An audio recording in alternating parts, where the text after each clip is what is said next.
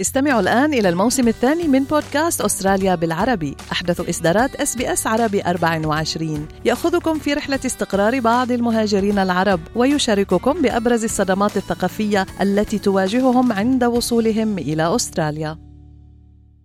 أنتم برفقة SBS عربي 24 مال واقتصاد. أهلا بكم في فقرة مال واقتصاد من أس بي أس عربي 24 أنا بترا طوق الهندي. وأنا فارس حسن ويسعدنا أن تنضم إلينا الصحفية المتخصصة بالشؤون الاقتصادية كوثر الحنبوري.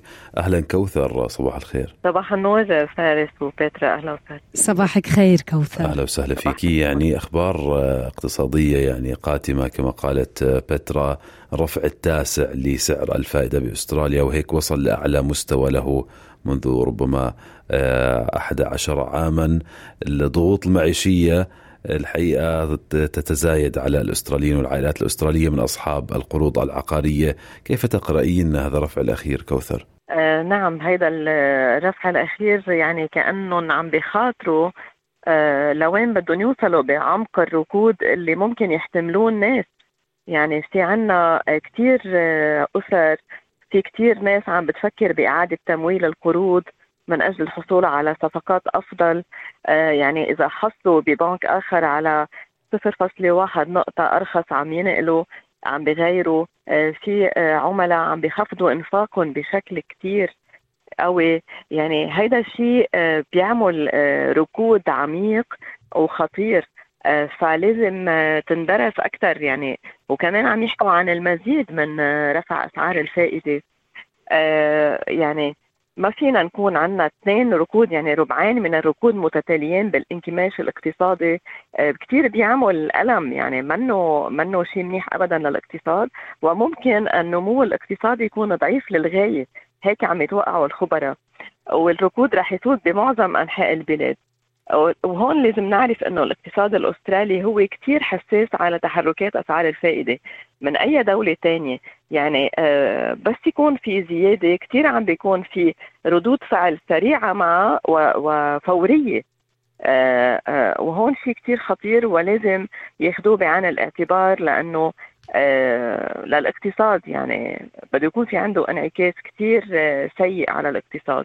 فما بعرف إذا رح يكملوا بقصة رفع الفائدة بال بالأشهر القادمة. كوثر يعني الميزانية الصديقة للعائلات مثل ما كانت الميزانية الأولى للحكومة العمالية منذ عقد من الزمن ومثل ما هيك كان عم يتم الترويج لها اليوم عم نشوف انها ابدا مش صديقة للعائلات. الأسر الأسترالية مثقلة اليوم منهكة اقتصاديا مع أكبر قفزة بتكلفة المعيشة منذ عقدين. وعم نشوف اليوم إنه أصحاب القروض العقارية رح يدفعوا تقريبا 1500 دولار إضافية شهريا مع الرفع الأخير لسعر الفائدة كيف رح تقدر العائلات تواكب هذه التداعيات؟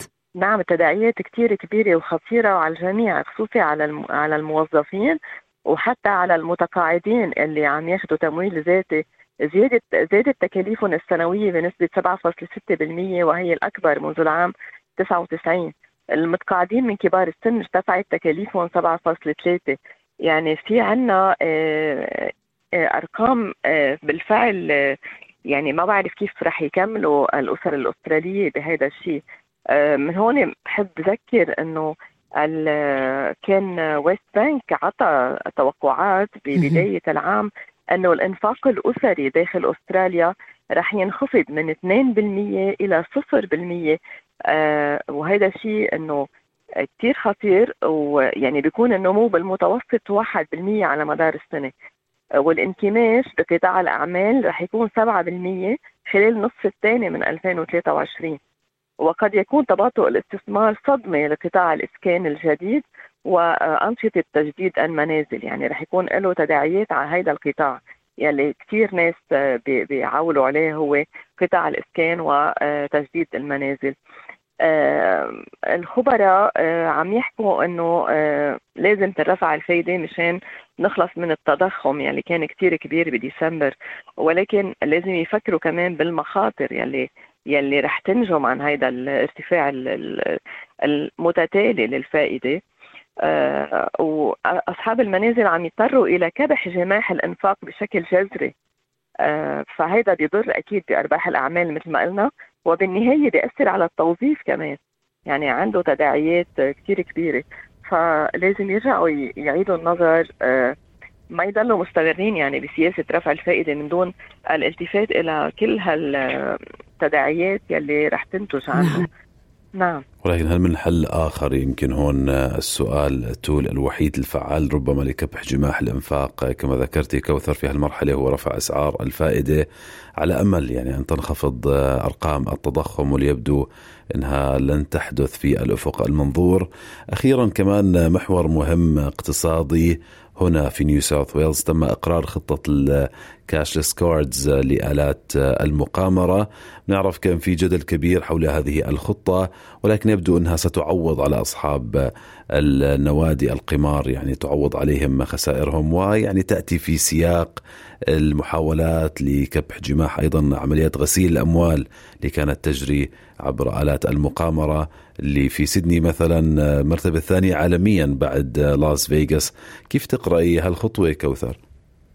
آه، خطوة جيدة صراحة آه، وإن آه، شاء الله تكون يعني تمشي ولأنها بتحط حد للمقامرين وعم تاخذ المصلحة للبلد كله على المصالح الفردية الصغيرة والمنيح فيها إنه عم بتحاول تعوض على آه، أصحاب الحانات والنوادي بنيو ساوث ويلز إنه آه، لأن رح يخسروا من الإيرادات فرح يكون في عندهم آه، لمرة واحدة يعني ينعطوا منح مشان يستثمروا في مصادر أخرى للدخل بما فيها الموسيقى والطعام كما سيتم توزيع قروض بدون فوائد مقابل أنه يغيروا أنظمتهم.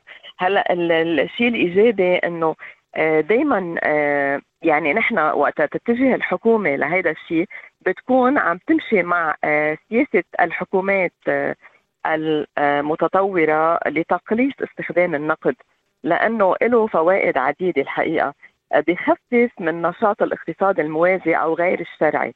يعني الحكومات دائما وقتها بتخفف من استعمال النقد بتكون عم بتخفف من نشاط ال ال الأموال غير الشرعية لأنه هي بتكافح ال ال الكاش يلي بيخفي حركة الأموال ومصادرها الأساسية وإلى أين تتجه بعيد عن الشمول المالي اللي هن عم بيحاولوا العالم كله عم بيحاول يرسخوا كقاعدة. يعني آه، أول شيء آه، بصير في زيادة أكثر من الإيرادات الضريبية للحكومات. استعمال آه، عدم استعمال الكاش بحد من الرشاوى والفساد. بيخفف من تكاليف إصدار وطبع وتداول وتجديد ال banknote وبيوفر الوقت بيوفر كمان من الكلفة بيقيد نشاط ال ال الأشياء الغير شرعية والكاش ما ننسى إنه بيزيد المخاوف من تنامي غسل الأموال. يعني في بكل النظام المالي العالمي آه، والنقدي الاتجاه هو لمكافحة الكاش آه، آه، بيقدروا ساعتها يعرفوا مصادر الأموال بصير في سيطرة أكثر على هذا الشيء بخف العجز بموازنات الدول وعلى كل حال التعامل بالكاش غير فعال اقتصاديا.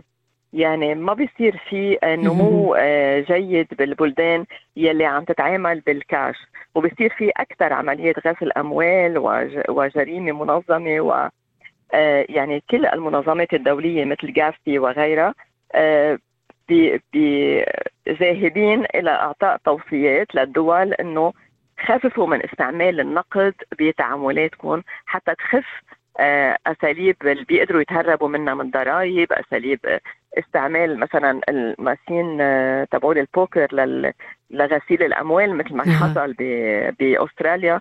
فهيدا هو الاتجاه العالمي. وهيدي خطوة على طريق إنه يخففوا من استعمال النقد. بعض البلدان راحت أبعد من هيك يعني مثل السويد. آه عم توعد آه مواطنيها إنه السنة الجاي ما بقى في نقد رح يكون كله بواسطة الكارت بطل في نقد آه يستعملوه. أها. يعني بنتأمل يصير هالشيء بلبنان لأنه بنعرف قد إيه عم يحملوا كميات كبيرة من آه، العملة الورقية. شكرا من قلبنا لك على هالإضاءة الأسبوعية الصحفية المتخصصة بالشؤون الاقتصادية كوثر الحنبوري. شكرا كوثر. هل تريدون الاستماع إلى المزيد من هذه القصص؟ استمعوا من خلال Apple Podcast، Google Podcast، Spotify أو من أينما تحصلون على البودكاست.